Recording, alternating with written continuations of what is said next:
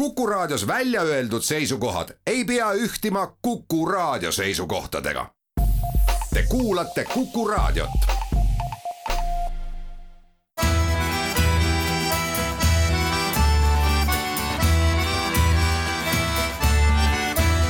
Kirillitsas Eesti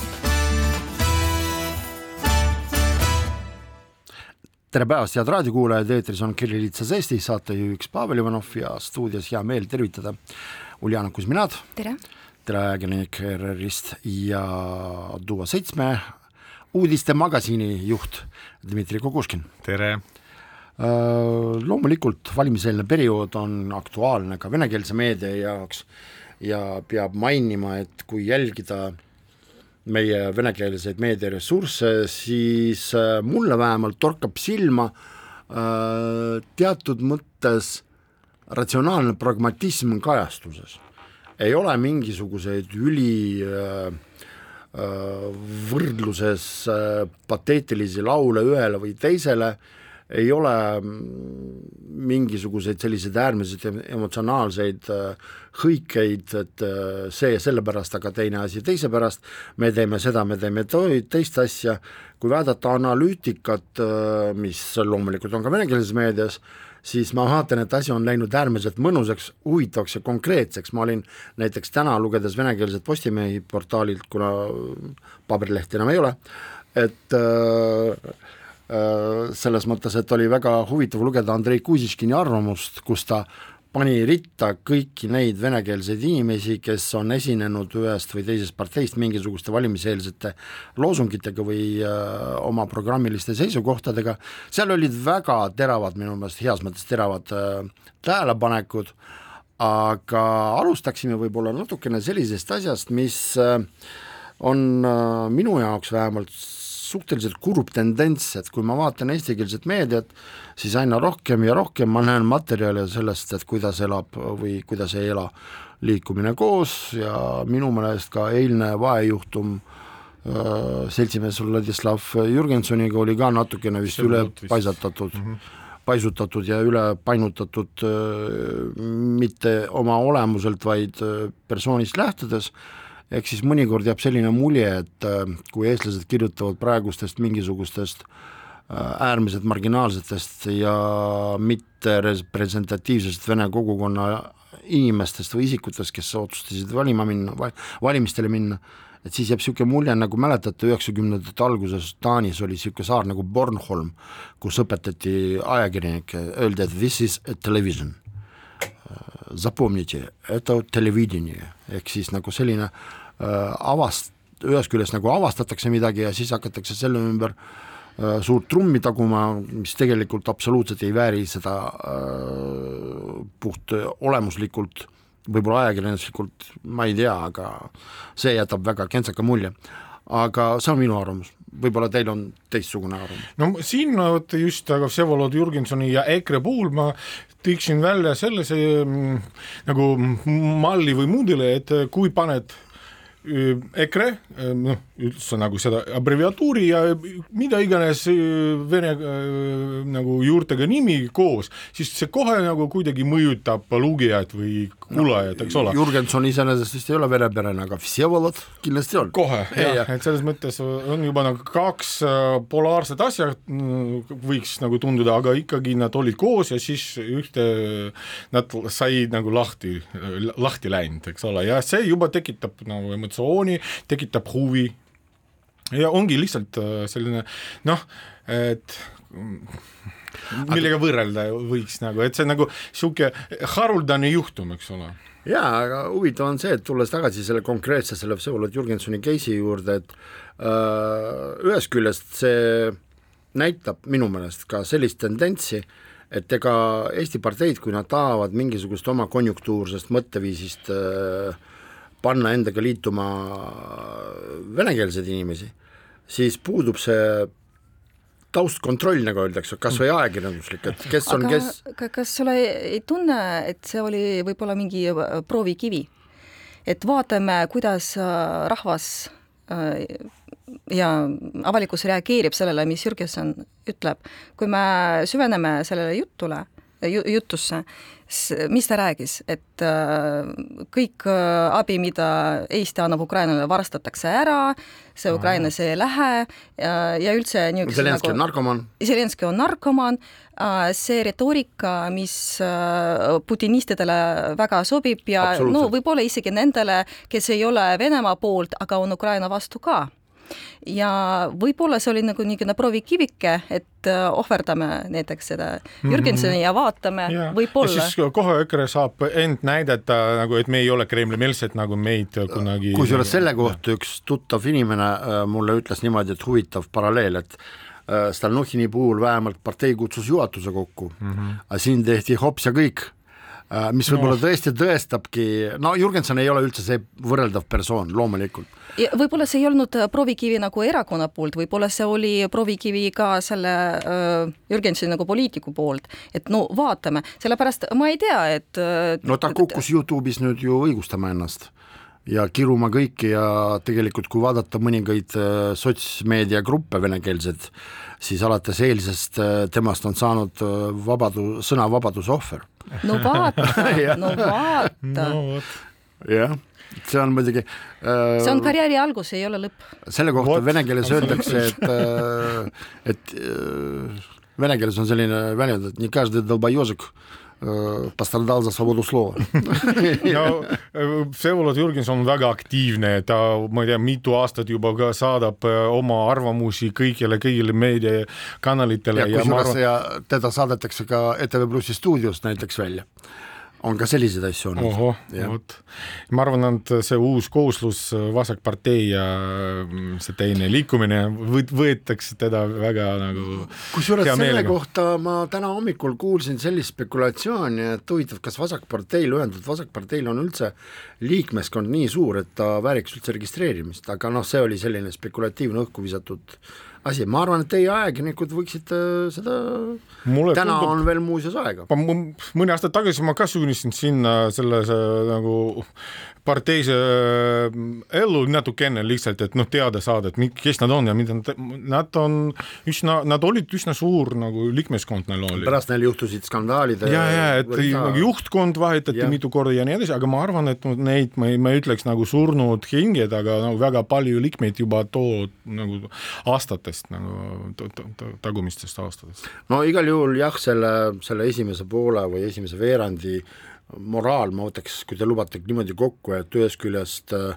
on hämmastav, et äh, noh, tähendab, et ei maksa avastada venekeelsete nõndanimetatud poliitikute seas äh, reaalseid poliitikuid ja neid serveerida kui vene kogukonna poliitilise maailmavaate esindajaid, ei maksa seda tõesti teha. Ja teine asi on see, et parteid võiksid nagu laiendada oma seda taustakontrolli mitte ainult selles mõttes, kes on kriminaalselt või mitte karistatud, vaid ka noh, puht lihtsalt kas või ajakirjanduslikult vaadata, et mida, kellest on kunagi räägitud või lihtsalt isegi küsida, helistada ja. näiteks sulle, Dima, kuule, ei no täitsa tõsiselt, et helistab keegi parteist, eks ole, ütleb, et Dima, kas sa tead seda, mis sa oskad öelda või Julianale või ja, mulle. kui ma ütlen oi-oi-oi-oi-oi ja siis kui sa puht ajakirjanduslikult ütled, et kuule, et ajakirjanduses see, see nimi on läinud, on käinud läbi äh, seoses selliste, selliste, selliste asjadega, tehke järeldused ise, kõik. kas parteid usaldavad, usaldavad meediat, ma ei usu. siinkohal teeme reklaamipausi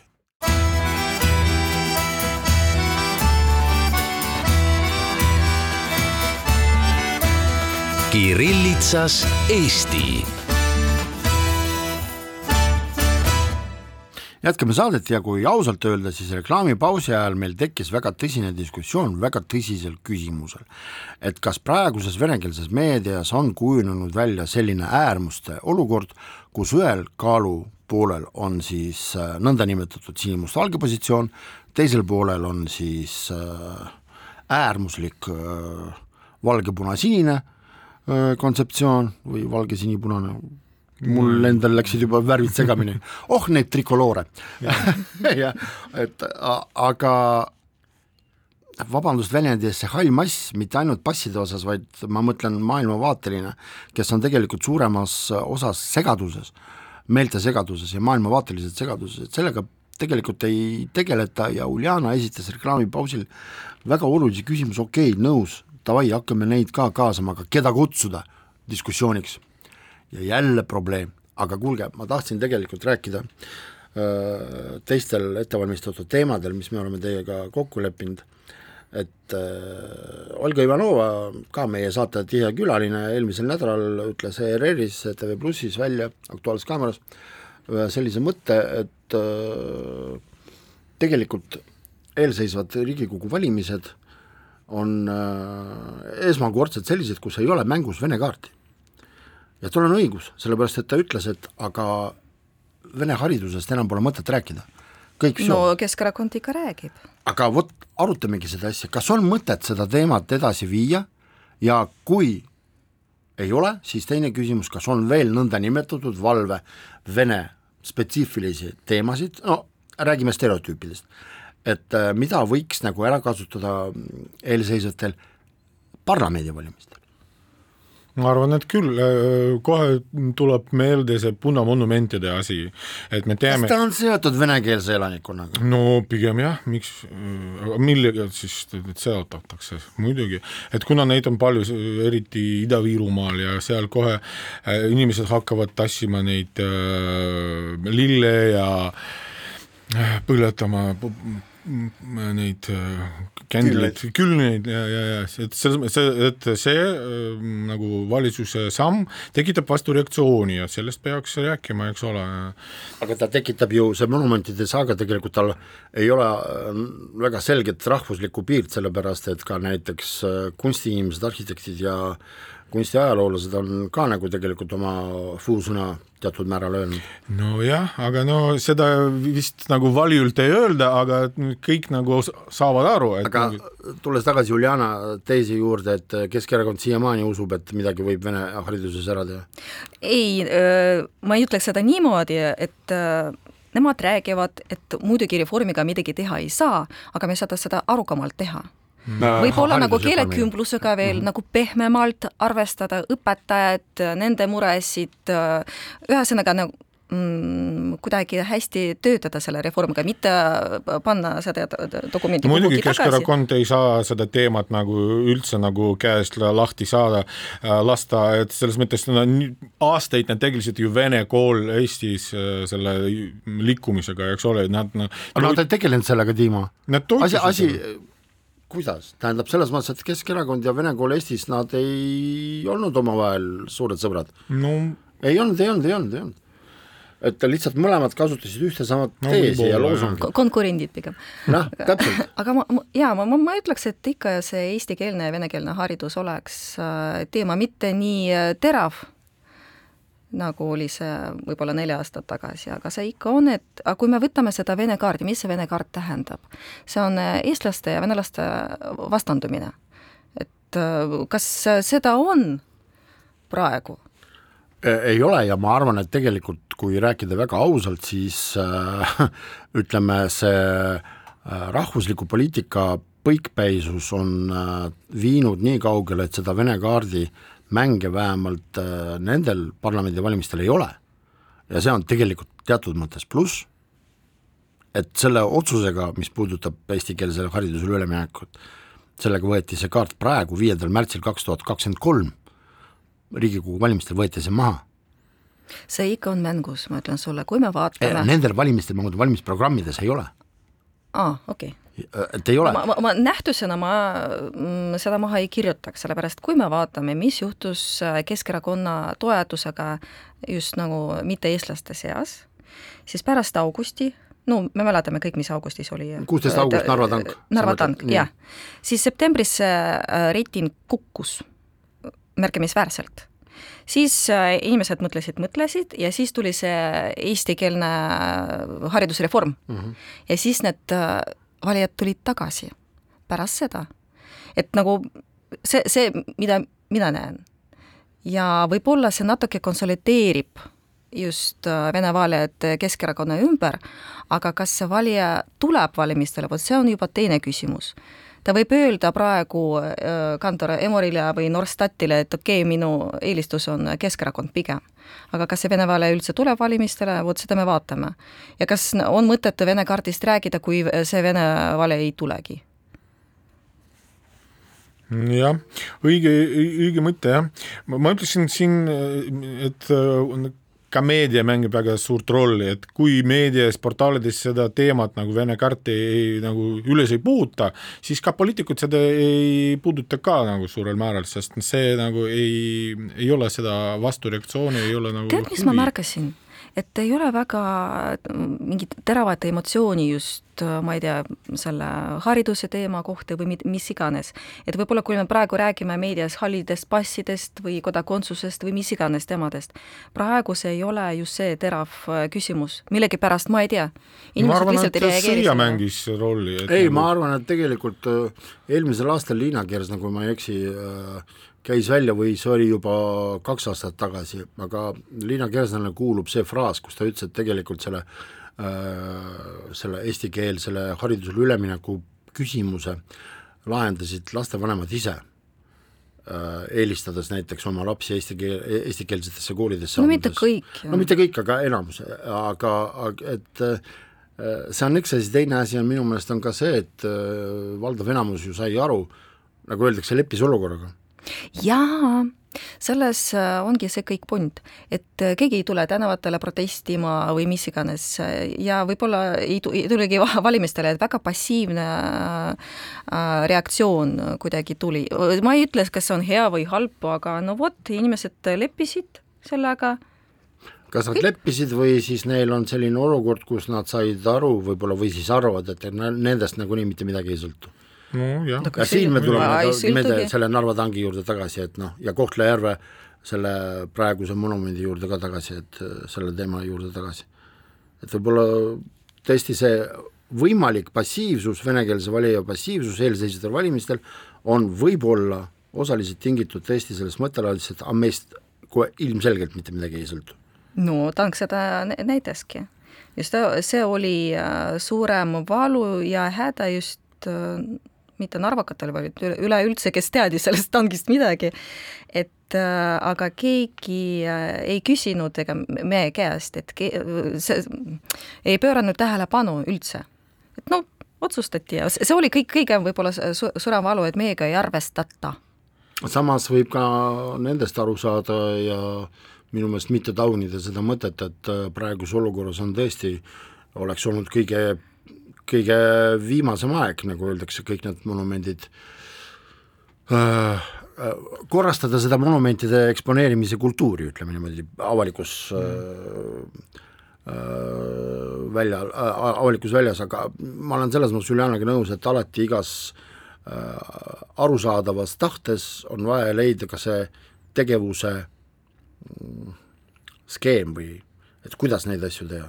et äh, jah selgitada nagu välja, et mil, miks ja miks, miks just niimoodi seda tehakse. aga tagasi valimiste juurde ma tahaksin äh, sellise märkuse teha, et ei tasu unustada, et Riigikogu valimistel ei saa ju hääletada neid, kellele on need küsimused, tekitavad kõige suurem valu nagu, et äh, halbpassid ja Vene kodanikud äh, ei saa hääletada aga need ei ole suht palju, no palju need, no kui me paneme kõik need kokku, siis no natuke üle saja tuhande võib-olla no,. selles mõttes, et just nagu neile kõik need vene uh,, venekeelsele, venekeelse hariduse ja teise, teiste teemad, teemad nagu just valulised no.. aga te, tead, ma, ma ka arvasin samamoodi, kuni ma rääkisin ühe oma kolleegiga, kes on ka Ida-Virumaalt pärit ja ta ütleski, et see ei ole niimoodi, Uljana, sa valesti saad aru, on väga paljud uh, Eesti passiga inimesi, kes mõtleb samamoodi.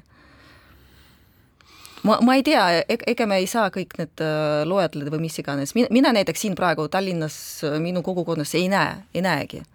Aga ma ei tea, mis seal praegu no, on absoluutselt selge ka see, et eks ole, et vaatamata sellele, et Eesti on multikultuurne riik, siiski me oleme rahvusriik ja poliitiline ja sealhulgas ka poliitiline seadusandlus on siiski orienteeritud tõesti rahvusriigi püsimusele, stabiilsusele ja jätkusuutlikkusele, see on, see on ka absoluutselt selge. Äh, sealhulgas ka kõik need monumentidega seotud asjad ja muud asjad. lihtsalt ma räägin nagu sellest, et äh, et mi-, et ma näen nagu, kui me räägime venekeelsest meediast siin Eestis, et et me oleme teatud objektiivsetel põhjustel äh, kuidagimoodi läinud seda teed, et me oleme seda no jah, stereotüüpselt väljendades halli massi ära unustanud natukene. et neid kaasata sellesse, et diskuteerida nende äh, väärtuste üle. et äh, ja et see, et see diskussioon oleks inimliku näoga, ma olen selles mõttes täiesti teiega nõus äh,. samas selles inimlikus näos ei maksa igas, igas sammus ka nagu inimlikkust otsida. Ma arvan, et see vist ei ole eriti õige, kui me hakkame nagu Narva tanki puhul otsima mingit inimlikkust. et äh, see on siiski väärtuste küsimus. inimlikkus no me oleme siin stuudios mitu korda minu meelest ka vaielnud seda, et äh, selle üle, et noh, siin lihtsalt Narva inimesed peavad otsa vaatama oma linnavolikogu liikmetele, keda nad on valinud, äh, kes tegelikult ei suutnud ei ühele poole ega teisele poole vastu, tähendab otsust vastu võtta. Ehk siis ja. igal sellel inimlikkusel on tegelikult vastu panna mingisugused täiesti objektiivsed põhjused, miks me sellest inimlikkusest rääkida ei saa. väga keerulised, ma saan aru, ma ütlesin praegu sa vaatad mu peale, Uljana, niimoodi, et ma ei, ei, ei, kõik hästi, ma no. lihtsalt mõtlen, et et ei ole mingit nagu suurt äh, diskussiooni enne seda, kui midagi äh, tehakse. Äh, ja jälle ma ei tea, kas see on äh, hea või halb. no poliitikud vaatavad omamoodi, mina ajakirjanikuna mõtleks, et see oleks nagu super tore, kui äh, midagi arutataks koos.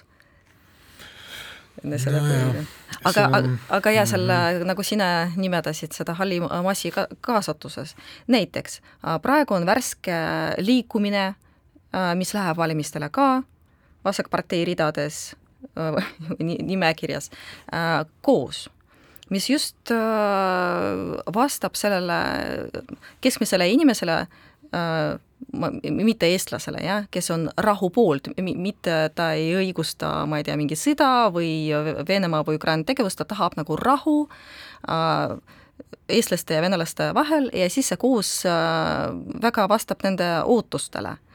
ja vot, palun väga, kutsume, räägime, miks ei saa seda siis äh, nende liikumiste esindajad kutsuda? no vaata, üks asi on see, et millist, äh, milliseid loosungeid, milliseid teese kasutab üks või teine ühiskondlik liikumine, aga teine asi on see, et kuidas seda kõike teostatakse ja kuidas see ähm, eelkõige meie ajakirjanikud peame olema kriitilised selles osas, et kas see on äh, representatiivne üldse või mitte, kas ta peegeldab kas või mingil moel, äh, tähendab, peegeldab kindlasti, nii kuidas sa ütlesid, aga äh, mitte peegeldab, vaid äh, kas ta vastab mingisugustele ootustele just nagu väärtuste osas, ma väga kahtlen selles, et need tüübid, et nad kuidagimoodi oleksid seda väärt, et neid kaasata suurde diskussiooni, kui me räägime venekeelsest kogukonnast ja vene kogukonna mm, tujudest poliitiliste agendade väljatöötamises, ma aga nad väga hästi väga, tunnevad väga need kaugel. tujud, sellepärast nad äh, pra-, no internetis vähemalt nad on väga palju kommentaare kogumas praegu no me praegu näeme väga huvitava perioodi selle koos meele ja koos, liik, koos. liikumise nagu äh, elus, et nad on nii-öelda mähkmetes veel, nad proovivad, nad otsivad oma auditooriumi, nad äh, proovivad siin ja seal ja nagu tekitavad seda kogukonda, kus nad võiksid nagu, keda nad võiksid äh, esindada edaspidi nagu. Ja võib-olla sellest sündib ka midagi tõsisem, aga ma ei usu, usu, sellepärast et kõik teavad, et vähemalt üks neist nagu mm, ees, ees istujad või kuidas ütelda no,, kes, kes esindavad, vähemalt Narvas teda väga tõsiselt ei võeta.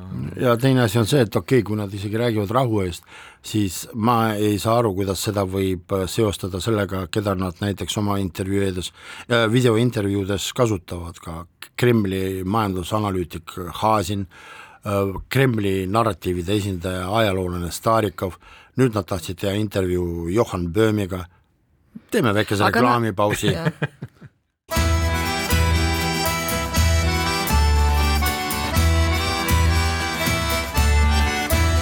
Kirillitsas Eesti.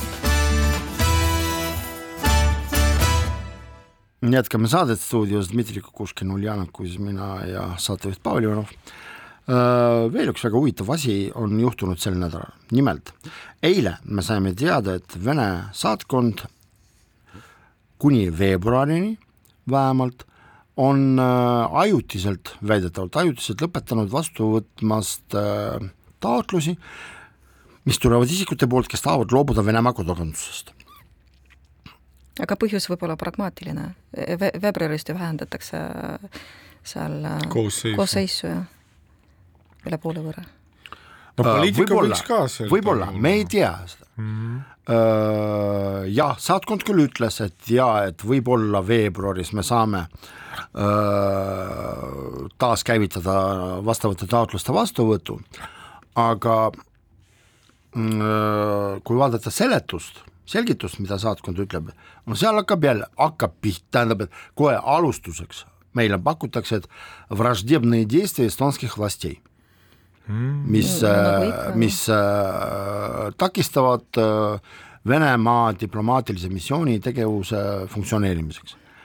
Noh, see on nagu esimene asi, aga teine, palju tõsisem meie riigi jaoks asi on see, et me, see ei ole ju ka mingi saladus, et äh, nende inimeste hulk, kes tahavad loobuda Venemaa kodakondsusest ja võtta näiteks Eesti kodakondsus, et nende inimeste hulk on kasvanud ja teisest küljest me teame, et meie seadusandlus on muutunud ja näiteks äh, ei ole kõik nii proosaline ega roosaline nende inimeste suhtes, kes on Venemaalt siia näiteks õppima tulnud ja võib-olla, kes pärast teadustöö lõpetamist tahaksid siia jääda, no ühesõnaga neid inimesi, keda äh, huvitab see küsimus, kuidas loobuda Venemaa kodakondsusest, on tegelikult palju.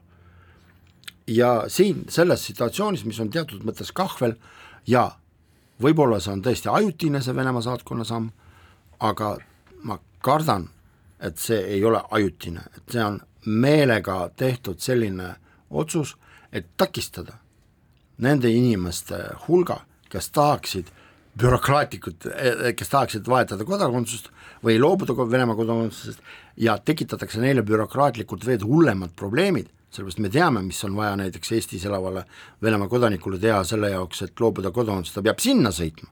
kui ta sõidab sinna, siis teda mobiliseeritakse näiteks. no kui ta on, ta oli seal sündinud, see on veelgi raskem. ja siin jälle me jagame seda kõike vanuselisteks gruppideks, et mulle tundub, et äh, kui me rääkisime saate alguses sel teemal, et millised on need nõndanimetatud Vene valveteemad siin Eesti poliitikas, siis tegelikult see kodakondsuse küsimus, ta võiks olla, nii kuidas sa ise mainisid, inimlikum võib-olla.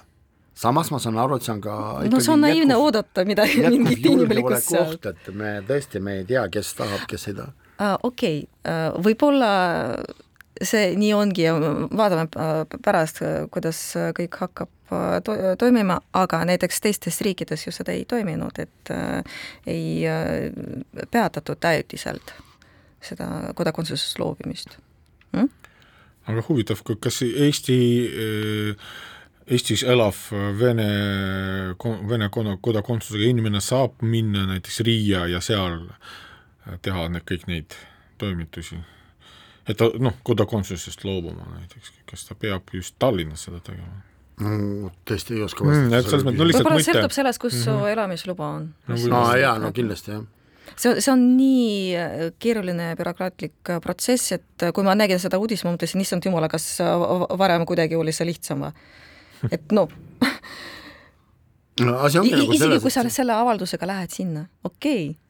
aga näiteks kui sa oled Venemaal sündinud, sa pead sinna sõitma, sa pead seal võtma mingid paberid, et sul ei ole äh, võlgu seal, kommunaalvõlgu, elatisrahavõlgu või mis iganes, et see ei ole mm, suht äh, kerge ja, ja, Ja- ja, ja kui sa ja- oled näiteks mees ja sa sõidad sinna, ja nüüd veel tekitatakse see olukord, kus üldse sellist taotlust ei võeta vastu et äh, minu meelest see on ikkagi tehtud meelega, et äh, takistada, aga, aga ei, minu võib-olla meelest see oli, see, see on niisugune äh, na- nagu tavaliselt Venemaa räägib, adekvaatne vastus äh, jah, nii, nii-öelda jah No, äh, jah. e- Eesti äh, sammule, et ja äh, враждебные действия эстонских властей, see on vastus Jaa. sellele. aga okei okay,, aga miks te siis karistate neid inimesi? Sa mõtled, kes ah,? no jaa, kes tahavad äh, omi loobuda. no see, see ongi nagu mõeldud selle jaoks, et takistada seda no muidugi need on ju predatelid, vaata. ja no on ju see predaatelid noh, aga siin tekib jälle see, et ühest küljest nad on ristitud om- sisuliselt kodumaa poolt predaateliteks, aga teiselt poolt ma ei tea, minu meelest see on nagu poliitiline väljakutse, et äh, mõelda läbi, kuida-, kuidas siis suhtuda sellesse situatsiooni Eesti poole pealt. Ma saan aru, praegu kõik on tõesti maha kirjutatud sõja peale. ja nendes olukordades julgeoleku küsimustest lähtudes me ei saa võib-olla mitte mingisugust, eks ole, otsust vastu võtta kodakondsuspoliitika muutumiseks, muutmiseks, loomulikult mitte. ja see ei ole ka viienda märtsi kakskümmend, kakskümmend kolm aasta valimiste küsimus. aga minu meelest see kui väljakutse, see no võib-olla see on küsimus järgmisele valitsusele, kas ta vaatab inimlikumalt või mitte, sest Vene kodanike seis äh, praegu on halb ja ma ei ole suht optimist ja võib-olla nagu muutub halvemaks. see, no see on juba nagu niisugune silt, see punane pass su peal ja keegi ei äh, küsi su käest, kas sa oled äh, sõja vastu, kas sa oled Putini vastu, mis või mis iganes. mul on väga palju tuttavaid ja ja sõpru selle passiga, mõned just äh, mitu aastat tagasi tulid siia Eestisse sellepärast, et nad ei tahtnud seal riigis enam elada. just ei tahtnud. ja nad valisid äh, Eesti Vabariigi endale uueks kodu, koduks ja nüüd, kui nad äh, tahaks loobuda sellest kodakondsusest, siis nad ei saa midagi teha. no selles samas kirjutas ka Rus Postimehes ka Jan Levtšenko, et see küsimus on terves Euroopas, et sul on, et sul on käes toksiline pass mm -hmm. ja mis sa teed siis edasi. ja tegelikult sel teemal oli veel arvamusi, kus tegelikult oli püstitatud veel üks väga huvitav ähm, selline tees, et äh, isegi siis, kui sa oled Venemaa kodanik ja teatud põhjustel sa oled sattunud välismaale, et äh, sa pead ikkagi vastu võtma neid mängureegleid, elamisreegleid, mis on selles ühiskonnas oma väärtustega. ja ma arvan, et see oht tegelikult ja mis see pretsedent on loodud ka Doždi näol, et äh, ei ole see nii, et okei okay,, sa vahetad seal kodakondsuse või siis oma elamise riigi ja that's it, ma olen hea venelane. ehk siis tegelikult siin põrkuvad väga-väga paljud sellised asjad, mis mille lahendamiseks võib-olla tõesti isegi üht äh, Riigikogu valimiste tsüklit on vähe. et poliitilisele mingisugusele otsusele jõuda, et kuidas kõikidesse nendesse suhtuda no Lätis äh, vapšee nad läksid äh, niisuguste karmidele meetmetele, ma ei tea, äkki see on septembris, et kui sa, sa olid näiteks Läti kodanik ja pärast sa võtsid Venemaa kodakondsust, siis äh, see püsielamisluba võetakse ära, sa pead uuesti taotlema ja oma meelsust äh, tõestama. et sa oled ikka nagu korralik äh, siin kodanik no ma täpselt no, ei vot- oska öelda, aga, aga seal on see asi karmim. nõndamoodi äh, tegid Läti võimud ja kui äh, rääkida Eesti poliitikutega, siis nad ütlevad, et ei, Eestis seda ei tulegi, no see on liiga karm juba. see on, see on, ma ei tea. aga igal juhul jah, see küsimus ongi, ma arvan, et seda ei lahenda tegelikult ka sõja lõpp, sellepärast et äh, see hakkab pärast elama veel oma elu eraldi. see täpselt seesama see, sama, see oh, kuidas seda nimetada, igal juhul äh, selline ühiskondlik dilemma, et umbes kui varem küsiti, et äh, kus sa olid kaheksa aastat tagasi, kui me rääkisime Donbassist, siis äh, nüüd teistpidi jällegi hakatakse küsima, et kas sa, kus sa olid kahekümne neljandal veebruaril, mis omakorda minu meelest veel jaguneb, aga kus sa olid septembris kaks tuhat kakskümmend kaks, siis kui algas mobilisatsioon kas sul nagu Ja, ja,, lähme neid nagu meel, on meelsuse kontrollimisele? ka no, no ei, ei, ma ei räägi sellest. ma võib-olla isegi vastupidi hoiaksin sellest eemale, no vot, ma räägin, et kuhu me jõuame. aga kuhu me jõuame? no mitte kuhugi. ühiskonnana. kui me hakkame teineteise meelsust kontrollima.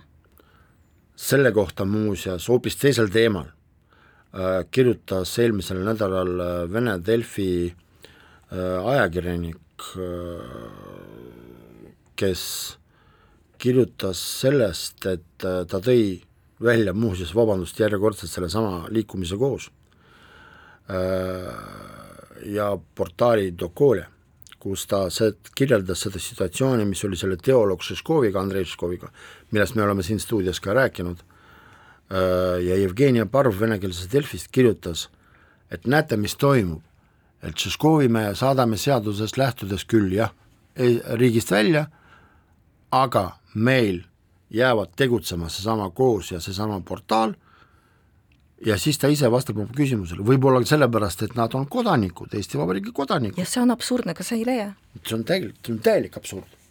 Et me laseme meil vabalt eksisteerida mingisugustel äh, rühmitustel, mis tegelikult mürgitavad natukene ühiskonda, mitte natukene isegi võib-olla, ja samas me ei tee vahet ja siin ei mängi absoluutselt mitte mingisugust rolli enam. oled sa lojaalne, on sul mingi lojaalsuskontroll või ei ole, kui sa oled Eesti passiga, siis sind koheldatakse, nii kuidas Jevgenia Parv tahtis meile mõista anda, sind koheldatakse kui sõnavabadust, kui ei, siis sa oled julgeolekuoht või mingi muu element. okei okay, Rekla..., aga, aga kuidas sa saad aru, kas inimene on lojaalne või mitte? vot lihtsalt siin... nagu huvitav küsimus. siinkohal teeme reklaamipausi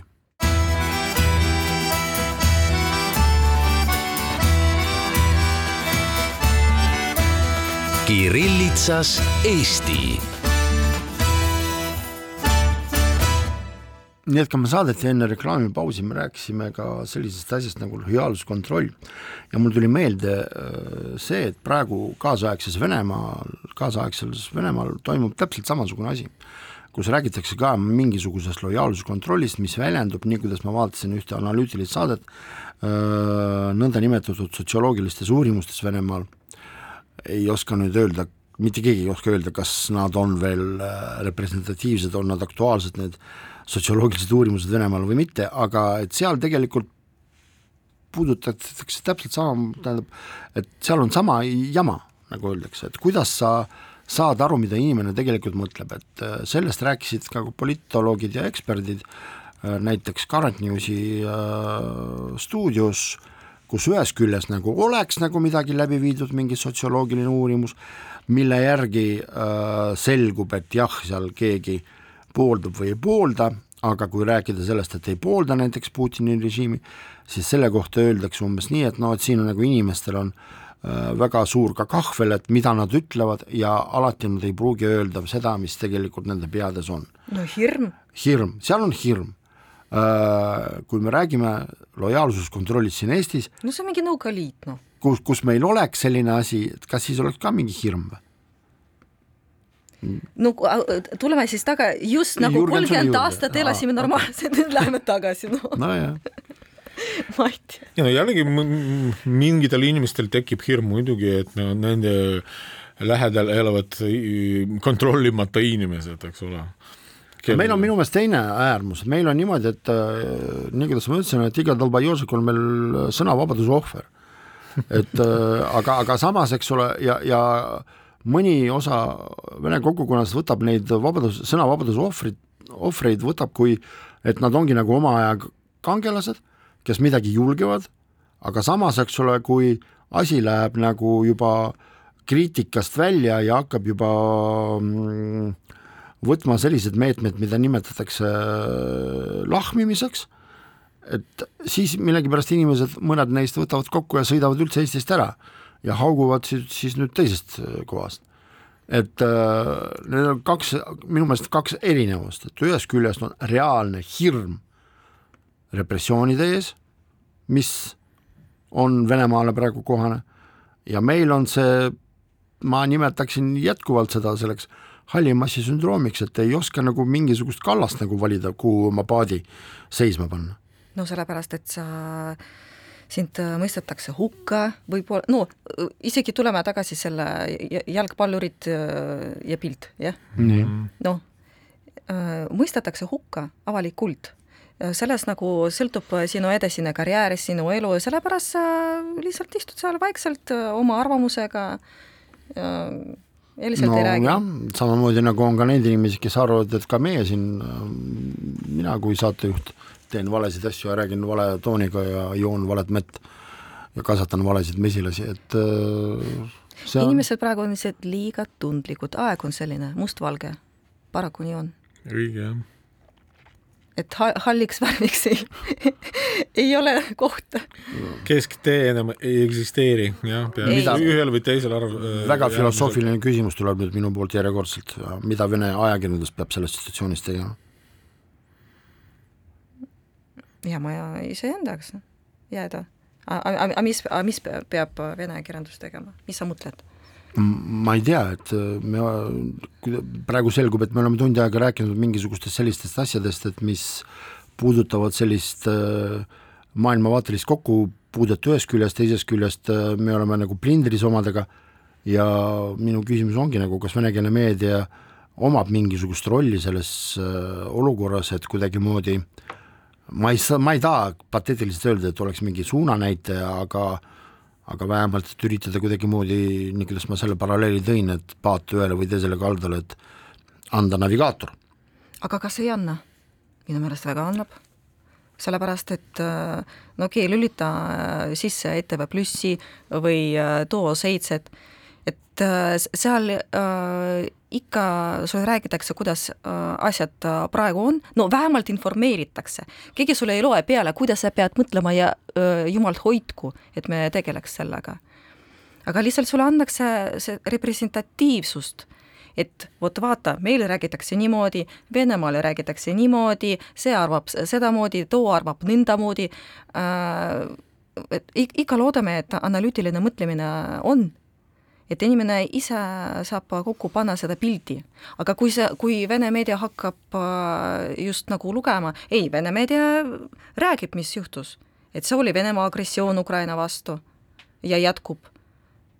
Seda, no et ikka me ei, mu- mustavalgeks kuidagi ei, ei maali, et me räägime, kuidas asjad on, faktid, jah, aga lugeda peale, kuhu inimene peab liikuma, no ma ei tea, no see on juba jälle nagu kolmkümmend aastat tagasi. ja, ja see on nagu eelne asi, et no et ja võtame seda ka, et inimesed äh, usaldavad rohkem nüüd just sotsiaalmeediat, et nad vaatavad neid gruppe, loevad sealt, no ühe silmaga nad võiksid vaadata tellerit nagu, aga kõige suurem nagu oma, kõige suurem osa oma ajast nad veedavad ju sotsiaalmeediast ja seal vot need need grupid nagu annavad neile ka valiku, mida lu- lugeda, mida usu, usu, uskuda, millesse uskuda ja nii edasi.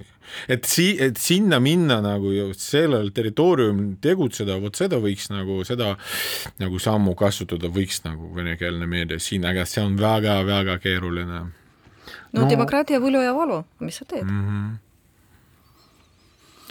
ma arvan, et on mõistlik lõpetada sellega tänase saate, sellepärast et see demokraatia võlu ja valu, see on, see jääbki küsimuseks terveks eluks ja mitte ainult ühe põlvkonna jaoks, vaid oi-oi-oi, mitmed põlvkonna jaoks.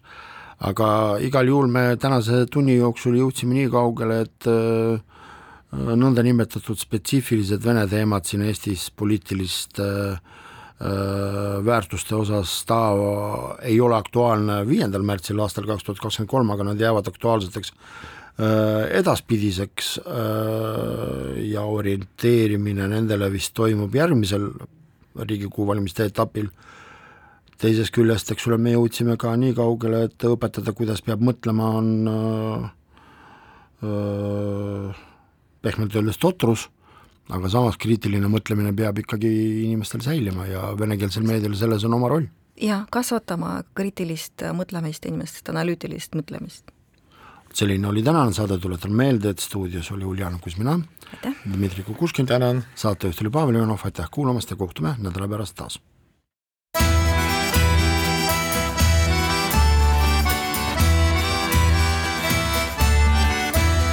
Kirillitsas Eesti